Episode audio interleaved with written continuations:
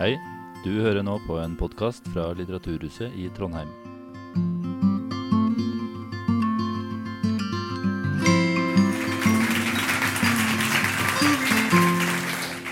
Og velkommen hit til Stokmanndagene på DIGS i regi av Litteraturhuset i Trondheim. Mitt navn det er Jo Skårderud. Jeg er journalist i avisen Klassekampen og skal lede denne samtalen hvor vi spør når bør radikale virkemidler tas i bruk i klimakampen, og hvor langt er egentlig klimaaktivistene villige til å gå? For å svare på det så har vi fått tak i tre klimaaktivister som alle har vært villige til å gå lengre og betale en høyere eh, pris enn de fleste i klimakampen. Og De tre det er Agnes Benfelt Petersen, som er biokjemiker og stipendiat ved Institutt for bioteknologi og matvitenskap ved NTNU. Det er Astrid Rem ved St. Olavs hospital, og, som også er student. Og det er Joakim Skahjem, som er masterstudent i filosofi ved NTNU, og som også trakk seg fra organisasjonen Stopp oljeletingen på et tidspunkt etter uttalelser om at det måtte være legitimt å bruke sabotasje i klimakampen. Og jeg vil åpne med å stille dere et spørsmål. Fordi FN har jo nå vedtatt Parisavtalen og klimamål som skal forhindre de verste utslagene av eh, klimakrisa. Norge og de fleste andre industrialiserte land har vedtatt ganske ambisiøse klimamål som burde stoppe klimaendringene på 1,5 grader. Hvorfor tyr dere da til aktivisme av typen stoppe trafikken om morgenen, kaste maling på kunst og andre former for ja, la oss kalle det radikal klimaaktivisme? Ja, eh, vi, det er jo åtte år vel siden Parisavtalen ble undertegna, og de hårete målene var det brei enighet om.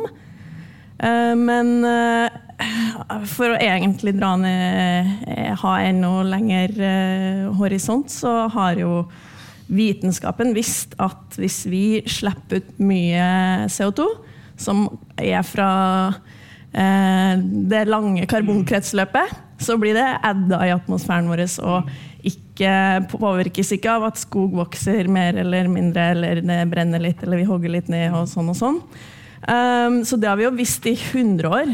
Og så har stater og fossilindustrien selv visste veldig godt i 50 år. Og så har forskere advart og vært veldig klar i 30 år, kan vi si, egentlig. Um, så Parisavtalen ja, og hårete mål ja. Det fins jo, men på hva handlingene vi gjør, mm. samsvarer ikke med ordene som er sagt og blitt signert og skrevet under på. Men, så du Astrid, du mener altså at uh, det handlingen uh, det, Målene følges ikke opp med nok handling? Er det det som er uh, hovedlinja? Det er jo ikke så mange ting som tyder på det. Men når man ser på utslipp som stiger, og stadig mer investeringer i fossil energi, særlig i det landet her. Mm. Agnes?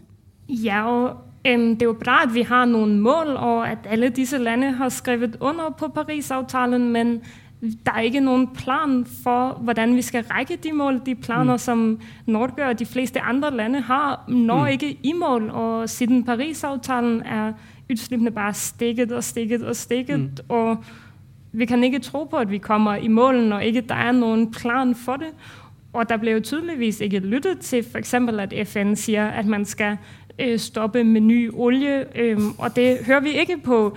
Så øh, vi må jo få øh, politikerne i tale. Vi må, få, vi må, bli hørt på en måte.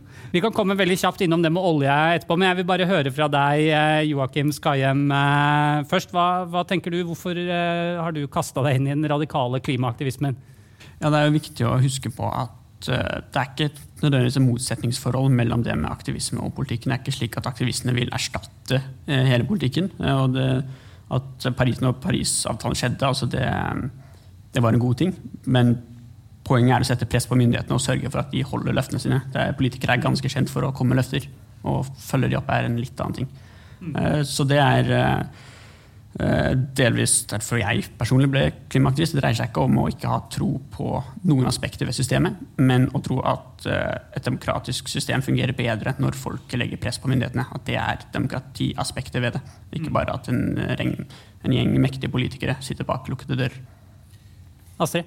Jeg vil bare si å på en måte ha etablert det nå i starten av samtalen òg, at det vi risikerer, er jo å miste alt vi elsker.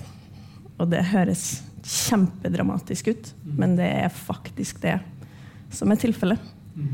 Um, så det er liksom Det at vi, vi, er på et så kritisk punkt akkurat nå, vi har et så kort handlingsrom på å forhindre at både vi som sitter her, og dem som er yngre enn oss, ikke vil ha et liv som ligner på noe av det vi ser for oss akkurat nå. Mm. Men bare for å ta Vi kom jo litt innpå dette med olje, olje her. Vil bare ta det, fordi Dere har jo alle tre vært aktive i større og mindre grad i, i det som heter Stopp oljeletingen. Eh, og det er jo et veldig norsk Oljeleting er jo noe vi er veldig glad i å drive med her i Norge. Og Norge produserer jo, eh, i hvert fall forteller politikerne meg det, at vi produserer den reneste oljen og gassen i verden. Vi er i ferd med å kutte alle eh, utslippene fra produksjonen. Og ikke minst så viser vel også Ukraina-krigen at Eh, av hensyn til europeisk eh, sikkerhetspolitikk og sånt, så trenger vi jo at Norge eh, bidrar med olje og gass. Og samtidig så driver dere da radikal aktivisme for å si at vi skal stoppe å hente opp den, den olja. Hva, altså, hva skal Saudi-Arabia, da? Er det de som skal lage olje? Ja, det, det, er jo et, en vanlig ting man hører, liksom. Men jeg vil egentlig snu på det og si at hvis vi egentlig klarer å pushe energiomstillinga, så mister jo Saudi-Arabia og Russland veldig mye av makten sin. Hvis vi klarer å ha et energisystem som er helt uavhengig av eh, fossil energi. Så det hadde jo vært det smarteste av alt. Agnes? Norge er jo også eh, et av de rikeste, dyktigste landene i verden. Vi har utrolig mange kompetanser her. Vi har kloke folk, vi, men vi bruker de her kompetanser på, en, øh, på fortiden, på en industri som er dødsdømt, og som må være dødsdømt. Og vi kunne, vi kunne ha vært forgangere i det grønne skiftet, men vi har valgt å satse på fortiden i stedet. Og Norge har også pengene, og vi har ressursene. Og vi, har, vi, trenger ikke oljen til oss selv. Så hvis noen skal kunne gå for oss, så må det være oss som har tjent så mye og har så mye rikdom pga. det. Mm. Um, og det er jo f.eks. var det ikke Ghana som har startet opp med ny oljeleting og bruker Norge som eksempel. Hvis de rike nordmenn kan, hvorfor kan vi så ikke også? Og Da føler jeg at vi må gå forrest, ikke bakerst. Jeg, jeg, nå, nå, merker jeg at dere er veldig enige alle sammen olje, så vi skal kanskje, kanskje ta det litt uh, videre. Men jeg vil, jeg vil høre hva, bare sånn helt konkret hva slags veldig kort kan dere fortelle, hva slags aksjoner har dere eh, personlig vært med på? For dette, dette er jo litt sånn eksotisk for de av oss som ikke har vært Hva slags personlige aksjoner har dere vært uh, med i? Joakim, f.eks.? Ja, det ble en del aksjoner i løpet av fjoråret, så mye av det var veiblokader, hvor vi da blokkerte uh, trafikken. Har bl.a. blokkert trafikken med disse to også. Mm. Så vi har sittet på holdt på å celle sammen, men man har hver sin celle. Mm. Um, og så nevnte du uh, kaste maling på kunstverk. Eh, kasta maling på monolitten. Oi, du var en av de! Du var en av de som kasta oransje maling på monolitten! Og folk ble så sure! Ja, ja de ja, det, folk var ikke sånn kjempefornøyd. Um, men det er også mye av uh, poenget. Uh, at det ikke bare skaper oppmerksomhet, men også skape følelsesmessige reaksjoner. Mm. Altså I veldig mange år så har vi snakka om klima, og det har liksom vært så følelsesløst, og det har vært tall, og det har vært alt dette her, og så er det liksom ja, Folk er redde, folk har grunn til å være redde. altså Det er seriøse ting. Så det dreier seg om, og da syns jeg det bør være litt følelser i sving. Så er det litt dumt hvis Eh, folk har mer følelser rundt kunst enn eh, annet. Men så er det jo også eh, andre aksjoner. skal jeg si. Jeg utløste en brannalarm ved ONS, som er sånn oljefestival-type ting, i Stavanger. Men du, satte ikke, du, du starta ikke en brann, du, bare- du dro i Eh, brann. viktig, ja. ja, veldig viktig dis- distinksjon. Um, ja. uh, Nei, men det, det holder, det. Det holder, ja. Du har med på rullebladet Ja. allerede. Ja. Ja. Uh, Agnes? Um, jeg, min, øhm, jeg har gjort to gange civil ulydighet. Mm. Øh, og det første var den vejblokaden, som Joakim nævnte, og det tog meg veldig lang tid å komme til det sted, hvor at jeg øh, valgte å gjøre det, for man etterhånden så er jeg bare så desillusjonert og redd og frustreret over ikke å bli hørt, at jeg følte, at nå måtte jeg forsøge bare i hvert fall en gang for å få for at råbe så højt jeg overhovedet kunne. Øhm, og derfor blev jeg med på den vejblokaden, og så var jeg med til at øhm, stå øh, med et banner og øhm, forstyrre øhm, VM i langrenn i øhm, november. Ja. Ok, vi kommer tilbake, vi kommer tilbake til det. Eh, Astrid? Ja, jeg tror jeg rakk å bli arrestert sju ganger i 2022. øh, Og den åttende gangen ble klarte jeg ikke det. Da skulle jeg prøve å avbryte en Rosenborg-kamp, så da ble vi heller ikke arrestert. Bare veldig sure blikk og litt dømmende blikk fra politiet. Eh, Nei, jeg har for det meste også uh, sittet meg ned på veien. Da sitter vi ca. et kvarter før eh, politiet kommer. Uh, og også kasta maling på, på Equinor her på Rotvoll. Ja, Mm. Og så er det jo, vi vet jo at folk blir sure. Og liksom, hvorfor, hvorfor skjer det ikke noe? Hvorfor følger vi ikke opp de her ordene her? Hvor, hvor, hvorfor, hvorfor mangler handlinger, liksom?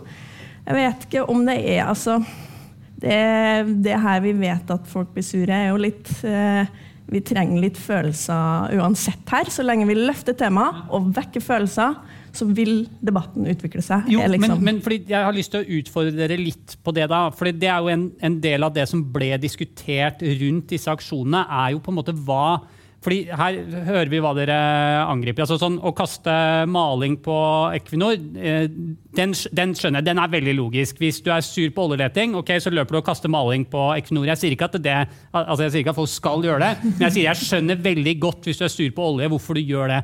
Men men? Altså, Å angripe monolitten, for eksempel, eller eh, kunstverk à la Munch, og sånt, noe som også noen gjorde eh, altså Nasjonalsymbolet på Norge. Eh, langrenn, VM i langrenn. altså Folk elsker jo langrenn. altså Rosenborg-kamper forstyrrer folk på vei til jobb om morgenen. Folk som kanskje kjører elbil og har gjort sitt. altså ja, det vekker følelser, men vekker det følelser som, som får folk til å tenke å, nå må jeg gå ut og slåss for klima? Eller tenke, vekker det følelser av nå har jeg lyst til å gå ut og banke opp en klimaaktivist fordi de er noe jævla Unnskyld, NRK. Ja, de er noe eh, forbanna tullinger. Altså, Joakim? Uh, ja, jeg skulle gjerne påberopt meg at vi er noen originale genier innenfor aktivisme, at vi har kommet på disse tingene helt selv, men dette er ting vi har tatt fra tidligere bevegelser som har fungert. Eh, Kunstasjoner er ikke noe nytt. Eh, The Rogues Be Venus er et maleri som Mary Richardson, en eh, suffragett, altså kjempet for kvinners rett til å stemme i England. Hun tok en eh, sånn kjøttkniv og kutta rett gjennom hele greia. Den er nok litt mer skada enn det monolitten nå er, som ble vaska. Og veiblokade var ofte brukt i borgerrettighetsbevegelsen i USA. Altså, dette her er ting som har blitt brukt flere ganger. og det vil ikke si at det i seg selv løser eh, hele problemet, og det har vi sett at det har det heller ikke gjort. Men at det kan være en del av løsningen. Det har det vært før, og vi har tro på at det er det, er det nå også. Agnes? Um, ja, nå nevnte du også det her uh, VM i langrenn, og nettopp det synes jeg var et bra eksempel, fordi etterpå så gikk der, så det skapte en kæmpe debat, og der gik veldig mange også skiløbere ud og sagde, de sagde alle sammen, jeg er ikke enig med at blokere skiløpet, men vi må gjøre noe ved klimakrisen, og skiløpet øh, vi, vi mangler snø til vores langrennsløp, og vi må gjøre noe. Og jeg er faktisk litt Øh, det er likegyldig for meg om, de bliver, om folk blir sendt på meg, Det kan jeg godt ta, men bare vi får det her på agendaen. Og det synes jeg, at Storboligerlætinger øh, aktionerne virkelig har lykkes med, at øh, vi har flyttet debatten, vi har fått det opp. og så kan jeg godt ta det overfor at folk blir sinte bare vi får, altså, bare vi får gjort noe. Eh, Du lytter til debatt i P2. Dagens tema det er om radikal klimaaktivisme er nødvendig for å løse klimaproblemene. Og akkurat nå så snakker vi jo om sånne provoserende aksjoner à la å kaste maling på kunst, eller blokkere trafikken, eller eh, blokkere VM i langrenn. Eh, vekker konstruktivt klimaengasjement, eller om det bare gjør folk eh, sure. Astrid, Astrid Rem, sykepleier ved St. Olav og klimaaktivist. Hva er dine tanker om det? Um, jo, eh, vi var jo litt innpå det. Vi er jo ganske klare og forberedt på at folk blir sur. Og den strategien her er heller ikke noe vi føler vi tar en helt vill sjanse på. Da. Vi har sett på litteraturen eh, og forskningen til sosiale bevegelser og strategiene deres. Um, og så trenger jeg ikke at folk eh, Eller jeg tåler helt fint da, at folk blir sur på meg eller irritert på meg, så lenge vi kan snakke litt mer om eh, problemet. Um, og ja, sånn etisk for min del, den forstyrrelsen jeg ikke har lyst til å påføre et uh, tilfeldig utvalg av mennesker i, byen min, er veldig, veldig liten sammenligna med, med forstyrrelsene i livene våre som vi står overfor. Ok, men eh, det finnes jo mange klimaorganisasjoner. Altså, vi har Fremtiden i våre hender, vi har Naturvernforbundet vi har, eh, altså, Det finnes mange du kan velge mellom. Hva er det dere føler at dere har oppnådd med disse aksjonene som man ikke kunne oppnå ved å være med i f.eks. Fremtiden i hender eller Naturvernforbundet eller Natur og Ungdom hvis man er yngre? Da. Så, hva har dere oppnådd som man ikke kunne oppnådd med de tradisjonelle, eh, velprøvde virkemidlene? Joakim? Eh, Jeg vil jo si at dette her er disse ulike organisasjonene de eh, komplementerer hverandre. Og noe som har blitt oppnådd, eh, er jo at vi har spisset eh, debatten mer, beveget, eh, tatt bevegelsen ytterligere lengre for å vise at eh, ja, folk er villige til å eh, ta ytterligere steg da, hvis myndighetene ikke hører på. Samtidig så er det ting som eh, er utenfor eh, rollen til en sånn her gruppe, og som framtiden i våre hender må ta seg eller et parti eller noe slikt. Og det er eh, ikke noe ønske fra at dette skal erstatte noe annet, men at det skal eh, sameksistere. Men, men hvis eh, Jeg er jo journalist i avisen Klassekampen, som kommer fra en, en venstre-radikal tradisjon. Og i, i den venstre-radikale tradisjonen som Klassekampen og også på en måte radikale venstresida i Norge eh, langt på vei forlatt, har forlatt, da, så hadde man jo denne teorien om en sånn fortropp, en sånn leninistisk fortropp av akadere som var godt skolert, og som var villige til å gå lengre enn enn andre for å på en måte presse fram eh, revolusjonen. Altså, er dere egentlig klimabevegelsens svar på den leninistiske fortroppen. Uten at jeg prøver å si at dere heier på Lenin, men skjønner dere hva jeg mener? Altså, er, dere, er dere den fortroppen som skal presse det fram? Astrid? Eh, Jeg vil for det første si at det Joakim sa i stad er veldig viktig. Man trenger alle virkemidlene hele tida, overalt. Ikke minst det her med å bare få folk til å snakke sammen rundt middagsbordet over det. Hva oppnår vi som ikke tradisjonelle miljøvernsorganisasjoner kan har det samme verktøykassa som tillater, er jo at vi får overskrifter i media der det står 'stopp oljeletinga'.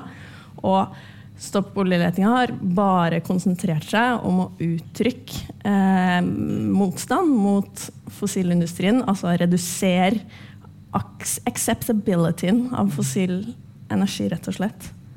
Det er en viktig del av omstillinga.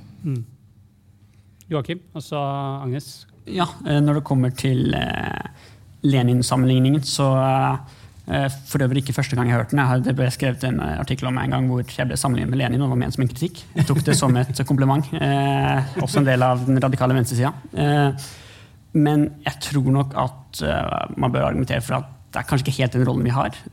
Og det er der vi kommer inn på Malm etter hvert, som argumenterer for ytterligere radikalisme som kanskje ville representert det revolusjonære, som du sier, da. men at dette her er et veldig viktig ikke bare steg på veien, men også noe som ikke skal forsvinne selv om noe mer radikalt kommer. Og selv om man kanskje ikke er eh, helt på kanten av revolusjonen, det vi gjør, så er det fortsatt en veldig veldig viktig del av, eh, av demokratiet og dette her. Agnes? Um, jeg synes, det er interessant, at du bringer opp det med arbeiderbevegelsen. for jeg ser meg ikke som den øh, radikale leninistiske front, men jeg ser meg som, som en av dem, der streiker fra sin arbeidsplads for å få en åtte timers arbeidsdag, og det var jo, det var jo ulovlig. Det var sivil ulydighet. Jeg, jeg ser meg ikke som noen Jeg er ikke fulltidsaktivist, og jeg, jeg var nesten litt i tvil om jeg overhodet ser meg selv som radikal klimaaktivist. Jeg ser meg som en, liksom, en vanlig person som er redd for hvordan min fremtid ser ut. Og jeg ser meg som ja, en der streiker øh, blant en masse andre folk. Vi er jo mange folk i hele verden som streiker for klimaet i øyeblikket. Og øh, ja, som dere snakket om med, med Anders, Andreas Malm, og sånn, at det er jo folk der har mye mer radikale holdninger enn meg. Men øh, ja, Norge har jo denne tradisjonen fra arbeiderbevegelsen. Ja, det, er, det er kjempeinteressant. Du, det, du, ser deg selv rett og slett som en slags sånn altså, I den konteksten fra altså, rettighetskampen, bare at istedenfor at du kjemper for åttetimersdagen, så kjemper du for kloden eller klimaet. For rett sin fremtid. ja, ok, ja, men det, det er kjempe, kjempeinteressant. Men eh, vi, skal komme, vi, skal komme, litt til virkemidler, og hvilke virkemidler som eh, dere mener er greit å bruke. Men, men, bare før vi gjør det, fordi du, du, nevnte jo Agnes, du nevnte jo arbeidsgiver og sånt. Og før vi går videre, så må jeg jo bare spørre hvordan Altså, Hvordan møter omgivelsene deres dette? Altså, da tenker jeg sånn familie og, og kanskje da arbeidsgiver. Eh, for Agnes, du er jo, er jo forsker og, og sånt ja. Og også da ja, Du vil kanskje ikke kalle deg selv en radikal klimaaktivist, men det er det du er, da. Ja, ja du har rett. Så hvordan, hvordan, eh, hvordan reagerer jobben på det? Ja, det er et interessant spørsmål. Jeg, jeg var veldig nervøs for å, å liksom stå frem på jobben. Um, men de reagerte bra, ja, fordi det er jo mine kollegaer, og vi respekterer hverandre selv om vi er uenige. Og det at jeg har gjort de her ting, har jo skapt en masse debatt. Og både mine nære kollegaer og nære venner er uenige og enige, og enige i målet, men ikke metoden. Men det har skapt virkelig god debatt. Øh, da jeg sa det til mine foreldre fra Danmark, var jeg virkelig nervøs. Men øh, de lo faktisk bare litt av meg, fordi sånn Selvfølgelig gjør du det. det eller. Min mor er jo sånn fagforeningskvinne, og kanskje de har en litt annen Det er ikke så radikalt i, i vår bakgrunn. Um, så generelt er jeg egentlig Altså, min sjef var selvfølgelig Han kunne jo ikke oppfordre til det, og var ikke nødvendigvis enig, og ville ikke nødvendigvis kunne øh, beskytte meg hvis det skete noe på jobb, eller liksom i forhold til jobben. Men han sa jo også at han heller ikke kunne stoppe meg fra hva jeg gjør i min fritid. Og det er jo bare Ja, så må man prøve å holde det adskilt. Ikke sant? Eh, men Astrid, du er jo altså da sykepleier, og denne trafikken som du stopper Du kan jo fint ha stoppa en kollega eller to fra å komme seg på jobb med, med din klimaaktivisme. Hvordan, hvordan, møter kollegene dine det? Ikke sant? Jeg jobba litt på 113, da, og der eh, kan man jo fort bli oppgitt over folk som lager trafikale problemer ja. unødvendig. Det blir noen eh, telefoner mellom AMK og politiet og sånn og sånn. Men uh, det kan i noen tilfeller egentlig bli litt lettere å kjøre utrykning hvis trafikken står, faktisk. Um, det var litt morsomt, eller litt corny, fordi at um, i fjor før sommeren, når vi hadde veldig mange veiblokader her i Trondheim på en og en halv uke, så det er en vakt på jobb innimellom der. Da. Men da var det litt sånn eh, kanskje folk visste ikke helt hva de skulle si. Jeg husker sjefen min var litt sånn Ja, da har du virkelig du, Og andre sånn herre Det er bra med litt prote skikkelig protest, liksom. Go, go for it. Og så har det også skapt masse bra diskusjoner. Og på veldig kort tid så var det sånn veldig mye thumbs up og fett. Stå på. Men bare, Ikke noe lange innlegg om det, men hvor mye penger er det man, uh, man må ut med? Du, du, sa du hadde Du, er, jo, skjønt- er, du, du er- vel den som har gjort eller, nei, du, ja, Jeg skal ikke Ja. begynne å måle dere, men, men det, de, det er litt dyrere i du. Oslo. Ja. Det er litt dyrere i Oslo. Der bruker de veldig strengt en standard fra en, Oslo, det- eh? Mm. Fra en XR høyesterettsdom, så er 20 000 for hver gang du blokker veien, og det må vi betale sjøl. her i Trondheim så har de uh, vært litt uh, mer real. Eh, kanskje mer vurdert at i utgangspunktet så har Den europeiske menneskerettsdomstolen eh, sagt at eh, ytringsfriheten, denne type veiblokader og sånn type klimaaktivisme er beskytta, bør bli beskytta av ytringsfriheten. Mm. Men hvor mange kroner? Bare sånn kroner? Her, uh, Før jeg begynte, så hadde jeg en sparekonto på ca. 50 000-60 000. Som jeg sa. Det, det, jeg- det syns jeg er en Ja. god investering. Den kan du Ja, så den har jeg brukt opp snart. ja, Joakim? Ja, altså, bare for å vise litt bredden innad i klimabevegelsen, så er det Jeg hadde ikke noe sparekonto. Eh, så, Nei, du er sånn student, eh, Eh, ja. filosofistudent. Eh, penger. Så jeg fikk en bot i fjor sommer på 11 500. Eh, Den kunne jeg ikke eh, betale. Har jeg fremdeles ikke kunnet betalt. Eh, Men heldigvis så sa Statsinnkrevingssentralen at jeg er for fattig til at de kan kreve de pengene. Eh, Men etter hvert kommer de jo til å bli kreditt eller subsidiær fengselsstraff. Men eh, ja, så det er jo ja, Det er ikke alltid lett, liksom. Men eh, ja, det er jo ikke lett å sitte og ikke gjøre noe heller. For det er jo vår egen framtid det dreier seg om. Så hvis du må sitte i fengsel for å For det er jo det man må gjøre. altså Subsidiært så må man jo da sitte i fengsel i så og så mange dager for liksom, Du får så og så mange kroner per dag du sitter. Men da tar du det med godt humør og Jeg tar det ikke med godt humør, nei. Eh, Det, altså jeg, tar det jo. Eh, Det står inne for alle aksjonene og straffen det medfører. Men jeg kommer nok til å klage litt mens jeg sitter der. Ja, det. Eh, Du lytter til debatt i P2, og dagens tema det er om radikal klimaaktivisme er nødvendig for å løse klimaproblemet. Og nå skal vi over til å snakke om hvilke virkemidler som er legitimt å bruke i klimakampen. Fordi dere tre som sitter her i dag, dere har jo eh, tatt i bruk ganske radikale virkemidler. Har, noen av dere har eh, kastet maling på kunst, noen har prøvd å stoppe VM i eh, i langrenn. Noen prøvde og lyktes ikke med å stoppe en Rosenborg-kamp. Helligbrødet, vil noen si. Andre er sikkert fan av det. Eh, og dere har også stoppet trafikken.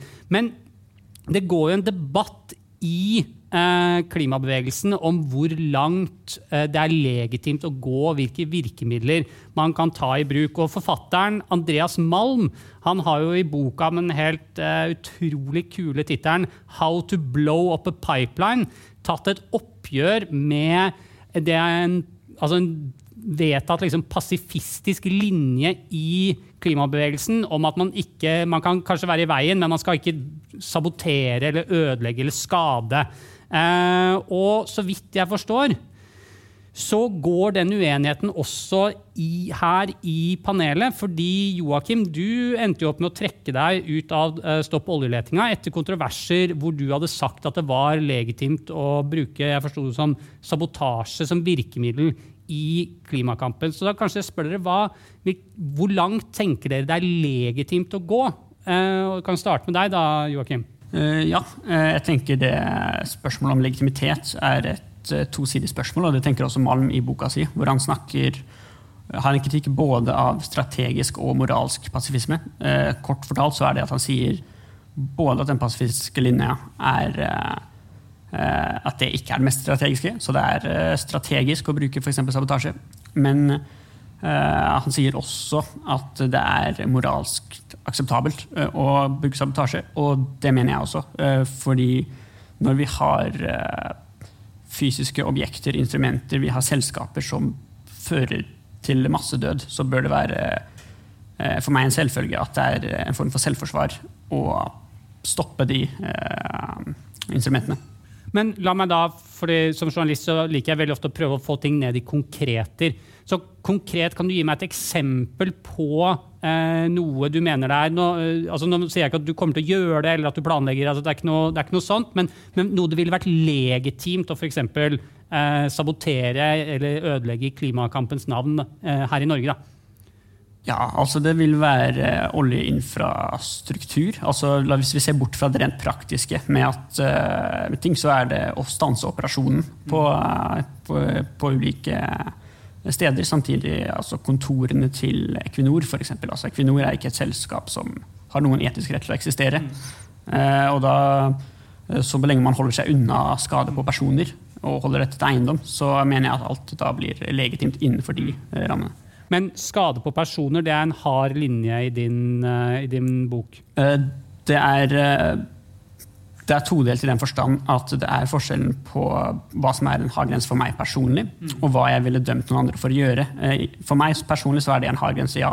Mm. Men jeg ville aldri dømt undertrykte mennesker for måten de kjemper mot sine undertrykkere på.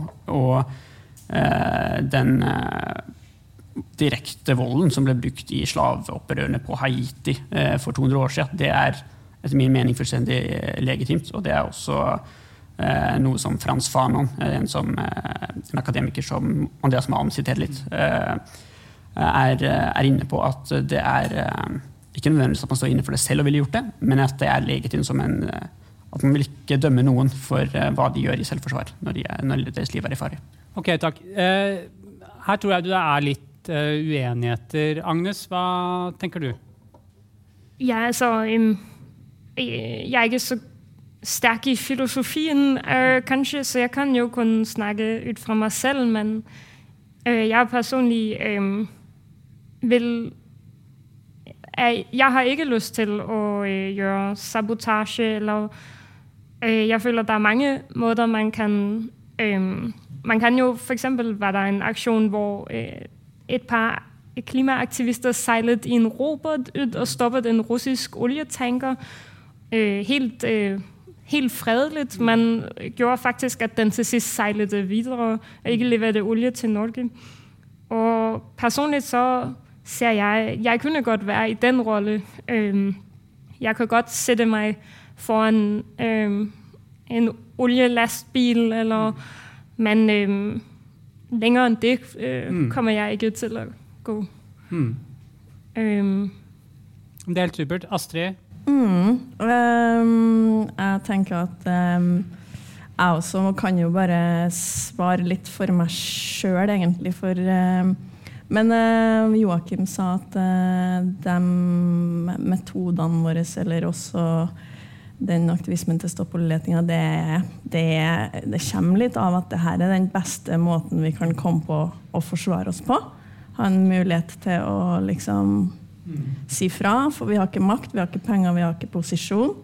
Så for meg også så føler jeg at eh, jeg kan bruke kroppen min, blokkere, forstyrre. Altså, det er jo Civil, streik er institusjonalisert sivil ulydighet, på en måte. Mm. Så det er den samme type linja som, som streik. Ja. Mm. Men altså, eh, altså, Vi er jo i Trondheim, eh, og det var jo her liksom konseptet med med dynamitt i borehølene f.eks. ble jo planta her. Altså sånn, fordi arbeiderbevegelsen, Dere har jo trukket paralleller til arbeiderbevegelsen og, og streik og sånt noe, men det er jo, altså, arbeiderbevegelsen har jo også hatt en, en militant eh, side, og, og, kampen mot streikebryteri og gruvebosser og altså, eh, opp norske Menstadslaget altså, eh, Hvis vi skal lene oss på arbeiderbevegelsen, da, så så er det jo ikke sånn, altså, så sitter jo arbeiderbevegelsen på Folkets hus og peker på folk som gikk til sabotasje og satte hardt mot hardt. Eh, så det jeg kanskje lurer på, er, er den, eh, den eh, linja hvor dere sier eh, 'så langt, men ikke lenger', er det strategisk, eller er det et slags moralsk eh, greie? Er det sånn at hvis ting blir verre, så kan dere gå lengre? Eller er det legitimt å gå lengre? Jeg spør vanskelige spørsmål, men fordi det er, det er interessante spørsmål. Mm. Astrid, du skal få et på mm. Joakim. Vanskelig å svare på, rett og slett. For jeg vet ikke hvor desperat jeg har blitt om fem år. Mm. Hvis ingenting skjer. Gitt at ingenting skjer. Så det er liksom men eh, per nå, og det jeg svarer nå, jeg tror jeg vil jo si mest at det er hva jeg sjøl er villig til å gjøre akkurat nå. Og um, mm, så å bruke kroppen min til å blokkere ting og sånn, det syns jeg mm. det er veldig villig til. Agnes, og så Joakim. Men det, det er noen øh, interessante eksempler du tar opp. og Vi har jo en tendens til sånn å gjøre historien penere enn øh, den egentlig var. og Jeg er faktisk også litt overrasket over at, der, at øh, aksjonene til Stopp oljeletinga møttes så mye motstand fra venstrefløyen generelt, øh, som jo ikke ville være her uten denne type aksjoner. Øh, og Det er vanskelige spørsmål, og jeg syns, for min egen moral og strategisk at uh, det er bra vi holder oss til fredelige aksjoner. Men som Astrid sier, jeg vet ikke hvor vi står henne om 5-10-20 år. Men øhm, jeg føler meg personlig fredelig og øhm, ja. Joakim? Ja, først vil jeg Det er veldig godt å høre en journalist som forteller historien riktig. Og det, det stemmer at det har vært eh, en eh, utrolig viktig del eh, av mange sosiale bevegelser. Men det skal også sies at det har også det fredelige. Og mm. På et totalt helhetlig perspektiv så vil jeg si at det er mer strategisk å ikke ha den strenge pasifistiske linja. Men jeg synes det er veldig godt at de har den linja de har, fordi man kan ikke ha at alle har uh, min mening at alle er en del av den radikale fløyen. Da er det ikke lenger en fløy. Uh, det, poenget er det er samspillet der. Da. Så det, jeg tror på ingen måte det er den fullstendige konkurransen der, eller at det er ustrategisk, det de sier heller. Men fordi jeg tror jo, Agnes, eh, du nevnte jo dette her med at du ble overrasket over at den radikale venstresiden og venstresiden i Norge var såpass kritisk til disse, disse aksjonene. Og jeg tror jo som journalist i en venstresideavis som så litt på dette, så tror jeg jo det handler om at man er redd for at man støter folk fra seg. Fordi du så altså fordi fordi jeg tror For mange på uh, radikale venstresida så opplever man at det er vanlige folk som sitter i de bilene om morgenen. Det er vanlige folk som har tatt turen til den, uh, det VM-et i langrenn. Og det er veldig mange vanlige folk som er på den Rosenborg-kampen, prøver å stoppe. Og at du ved å gjøre dette her kan du støte det. Så, det, så jeg tror det er det strategiske venstresiden uh, reagerer på der. Um, ja, Astrid det var jo veldig mange folk som ble forstyrra av at flymekanikerne streika også. Det var veldig mange som ikke fikk dratt og besøkt bestemora si og sånn og sånn, men ja. Mm. Mm. Mm. Det, det, er jo faktisk et veldig legitimt poeng, da, fordi vi har jo en linje på at når det er streik, så skal vi jo, skal vi jo ikke være opptatt av at det var kjipt for uh, de som mm. skulle ta bussen. Må, da må vi fokusere på Så der har du jo et ja, Altså, det er jo heller ikke en strategi som øh, vi tre her har oppfunnet. Øh, det er en veldig efterprøvet strategi både i klimabevegelsen internasjonalt og, øh, som Joachim også var inne på, i øh, samtlige, samtlige samfunnsendringer som er skjedd øh, under demokrati, har hatt denne fløy av sivil ulydighet. Mm. og Forskning viser jo øhm, bl.a. i England at etter aksjonene til den gruppe som heter Just Stop Oil, så er det flere der støttet opp om klimabevegelsen og øh, Just Stop Oil. Og selv om det er noen som blir støttet bort, så er det også veldig mange som støtter opp om det. Det er ikke bare noe der foregår i mitt hode, det er en øh, forskningsmessig øh, efterprøvet øh, eller vist at det har en positiv ja. effekt. Men, men, eh, Agnes, du har jo helt rett i når du sier at hvis man går inn i historien, så har du i veldig mange motstandskamper hatt denne sivile ulydighetsfløyen. Men, men, noe av det Malm påpeker, som Malm kritiserer klimabevegelsen for, er jo at han mener at klimabevegelsen driver cherrypicking når de skal hente sine eksempler.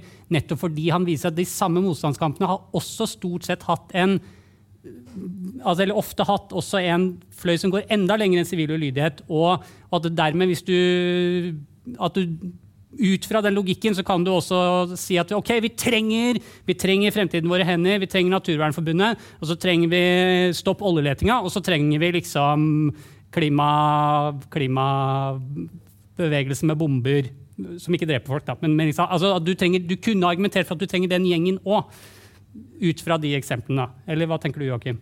Uh, ja, både vil jeg argumentere for sånn som Malm, at man trenger den, men jeg vil også argumentere for at hvorvidt man ønsker det eller ikke, så kommer det til å skje. Uh, det eneste måten å stoppe det på, er uh, å overholde klimamålene. Og det er mye av det som er poenget også med også sivil ulydighet. Altså det at det er eh, plagsomt, opplevd som ødeleggende. Altså det er, eh, det er et samfunnsproblem som politikerne ikke tar seriøst. Så da gjør vi oss selv til et større problem i, i hermetegn.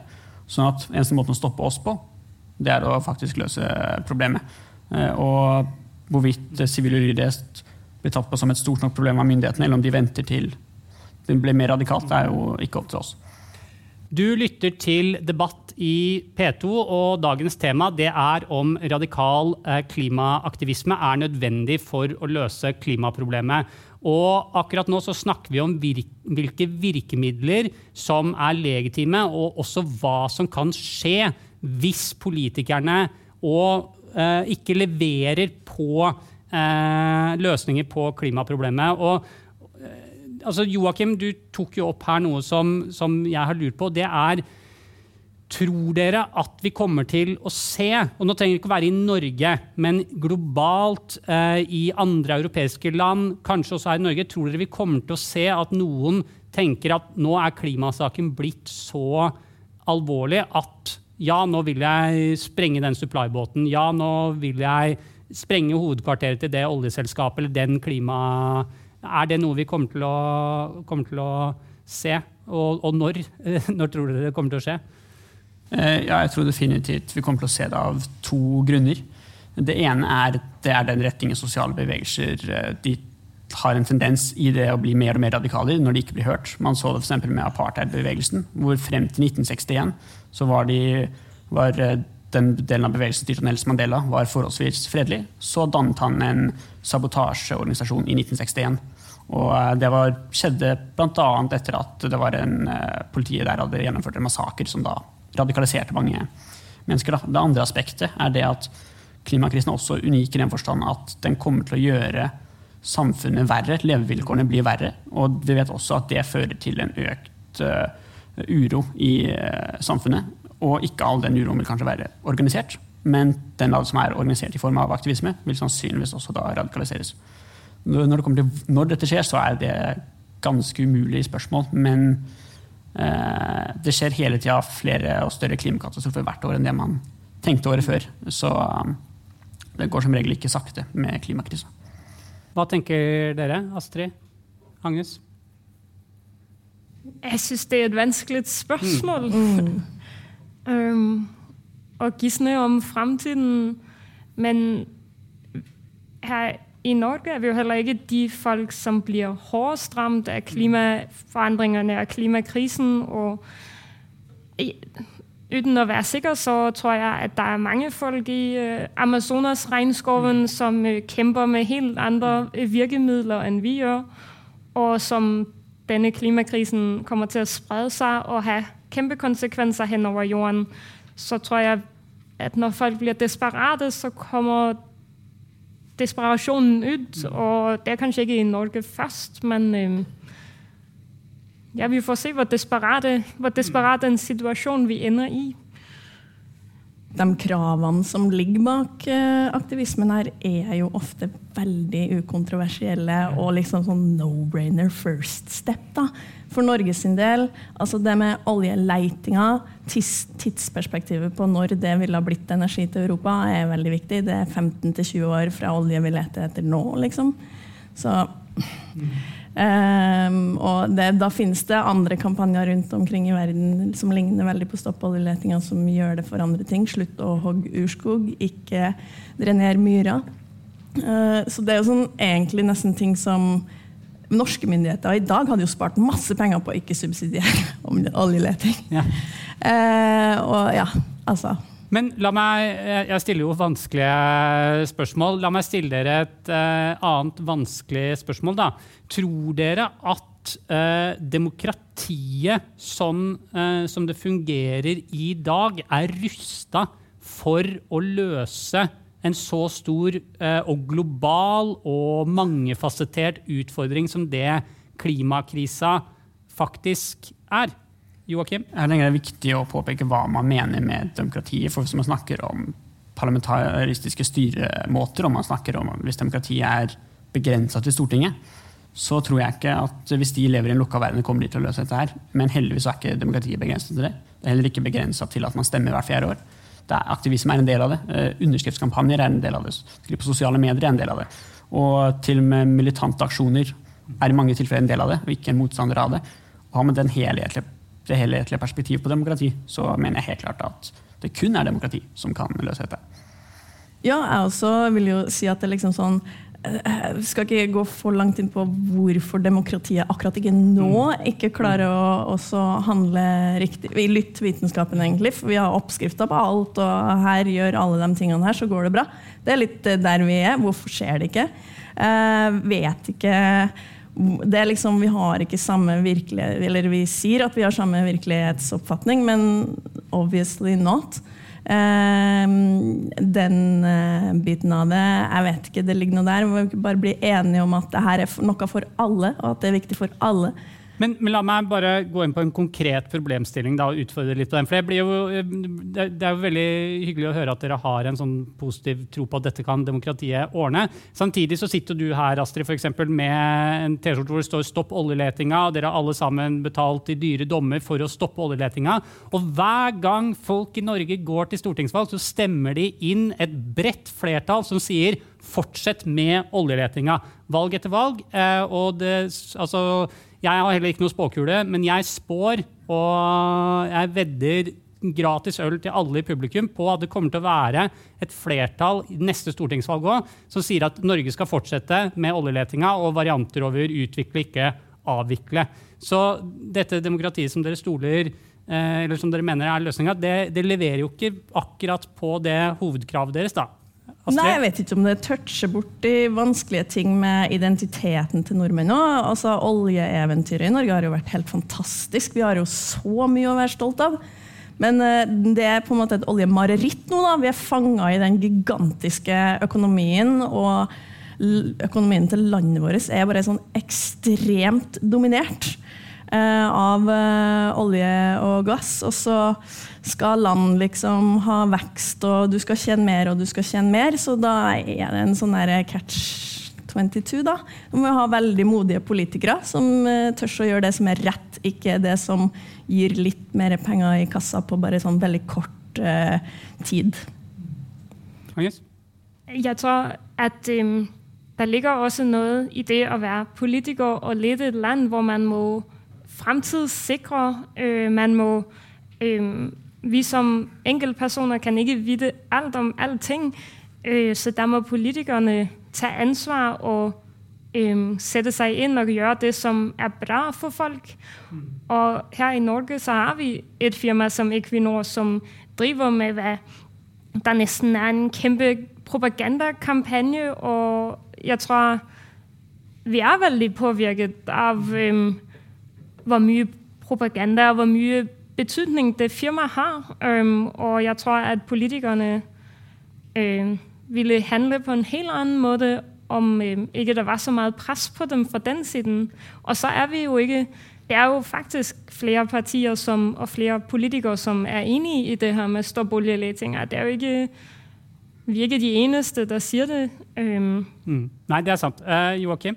Ja, uh, En viktig ting å huske på når vi snakker om det med at flertallet er jo for uh, fortsette med oljeleting, så er det et demokrati er ikke bare basert på at flertallet styrer til enhver tid. Det er det Alexis de Tocqueville eh, kalte for et majoritetstyranni, hvor majoriteten bare kan bestemme alt bare i kraft av å være majoriteten. Og et demokrati må også ha prinsipper hvor de forsvarer de svakeste. Eh, og det er det en stopp på oljeleting vil gjøre. Og det er også en grunn til at flertallet i Norge eh, har disse tankene. Det er veldig mye går inn i grønnvasking. veldig mye går, altså Den tanken om at vi har verdens reneste olje, Eh, er jo en veldig absurd løgn at olje kan være rent. Men det er jo noe folk tror på. da. Det har, og det har gått mye penger inn i å få folk til å tro på det. Den Den rene produksjonen er jo produksjonen av olje. Det er jo bare en bitte, bitte liten del av eh, Men nå blir den jo helt ren, for nå skal vi jo hente kraft fra land og sende det til sokkelen. Ja. Så nå kommer det til å bli nullutslippsproduksjon. Så kan vi selge mye gass. Men eh, vi begynner å nærme oss eh, rett og slett eh, en avrunding her. Da har jeg lyst På, eh, på partilederdebattene så var det jo et sånn der, hvor de spurte alle partilederne om de tror vi kommer til å nå klimamålene. og de hadde håndsopprekning. Det skal vi ikke ha her, for det, det gjør seg veldig dårlig på radio. Eh, men jeg vil, jeg vil spørre dere. tror dere at vi kommer til å nå eh, klimamålene? Og kommer vi til å klare å løse klimakrisa? Vi kan starte med Agnes og Astrid og så Joakim. Um, ikke med den kurs vi er på nå, vil mitt svar være. Så når vi ikke klimamålene. Vi når absolutt ikke 1,5 grader. Sikkert heller ikke to. De fleste forskere tror vi når opp på i hvert fall tre graders oppvarming. Og personlig så kjenner jeg på frykten for at det når vi ikke. Men det er også akkurat nå at vi har en unik mulighet for å endre kurs. At hvis vi, hvis vi gjør noe nå, så kan vi faktisk kanskje klare oss øh, med ikke de aller verste konsekvenser. Om vi, når, om vi endrer kurs, det er jeg, det er jeg i tvil om. Jeg tror eh, på en måte sånn som både noen deles norsk politikk gjerne inn i eh, venstre- og høyresida, føler jeg ikke at eh, svarene nødvendigvis finnes hos noen av dem. Sånn at politikken i både da Arbeiderpartiet og Høyrepartiet er ikke noe som vi når noen klimamål med. Mm. Så hvis vi staker fortsetter på kursen, så da, ja. Joakim, hva tenker du? Jeg vil si at Vi er definitivt ikke på kursen til å gjøre det. og ja, 1,5 grader, det, det, når vi ikke. Altså det, det, kan vi bare si med rimelig stor sikkerhet. Eh, vi er ikke på kurs til å nå noen andre mål heller. Eh, men jeg har veldig stor tro på folkets evne til å organisere seg og slå tilbake mot all ulik form for undertrykkelse. Eh, og ja, jeg tror da er det mulig å gjøre ting, men jeg tror ikke det er lønnsomt å snakke om å løse klimakrisa. Det er allerede mennesker som har mista livet sitt til klimakrisa, eh, og det vil fortsette. Dette er ikke noe, det blir ikke pent og det blir ikke fint, og det er ikke noen perfekt løsning her, men vi kan gjøre det vi kan. Men hvilke konkrete grep er det vi bør ta for å komme oss på den kursen? For jeg har f.eks. de aksjonene vi vi snakker om her, eh, som dere deltok på, det var jo, det var jo i fjor. Eh, dere har jo roa veldig ned på eh, aksjonene. Betyr det, Har dere lagt bort det som metode? Hvilke grep vil dere som representerer måte, den radikale klimabevegelsen, ta for at vi skal rykkes inn på den kursen? Joakim? Ja, Det interessante med eh, antakelsen om at det har vært færre aksjoner, da, er jo eh, i realiteten mindre mediedekning eh, på de i det siste. Det var Senest denne uka så ble så hadde Stoppoletica en aksjon hvor de stoppet eh, kronprinsen. Eh, blokkerte. Men det har da vært en tre-fire andre aksjoner også over sommeren. Men jeg tror det som har skjedd, er at det var et veldig sjokk i fjor. Og så venner man seg til det. Og da kan det kanskje bety at det er på tide med noe mer radikalt. Det vil nok Malm si, det vil nok jeg si. Og så er det ikke alle som vil si det. Eh, men eh, det tror Ikke i panelet heller? Ikke, ikke, i panelet heller, definitivt ikke. Agnes? Men Joachim har jo rett i det han sier med at det har vært aksjoner for stopp oljeletinga hele sommeren. og vi så heller ikke den eneste del av klimabevegelsen. Det har vært masse Greenpeace-aksjoner masse andre bra organisasjoner.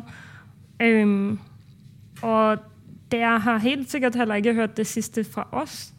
Um, men hvis hvis, aksjonene ikke får oppmerksomhet, så er de vel litt bortkasta? Altså gitt at uh, Er det ikke det? Jo, så må vi jo tenke i nye typer aksjoner, og der tror jeg jeg tenker kanskje en litt annen retning enn Joachim gjør. Um, men etterhånden så har vi også god folkelig oppbakning, så kanskje vi skal ha samlet folk og vist hvor mange vi egentlig er mm. snart. Men uh, generasjonen Greta Thunberg er jo erklært død av uh, lederen for Unge Høyre, så jeg vet ikke, er det så mange folk å, å hente? Astrid?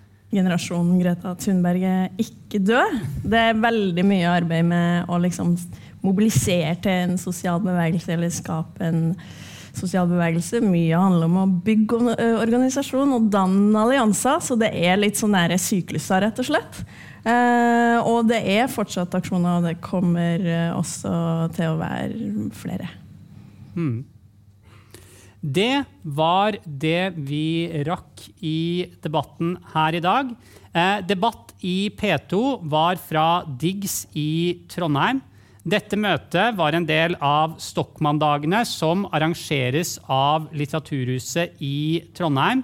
Og i panelet så møtte vi klimaaktivistene Agnes Benfelt Petersen, Astrid Rem og Joakim Skahjem. Og debattleder for eh, dette, denne panelsamtalen, det er meg, Jo Rød Skårderud, som er journalist i avisa Klassekampen.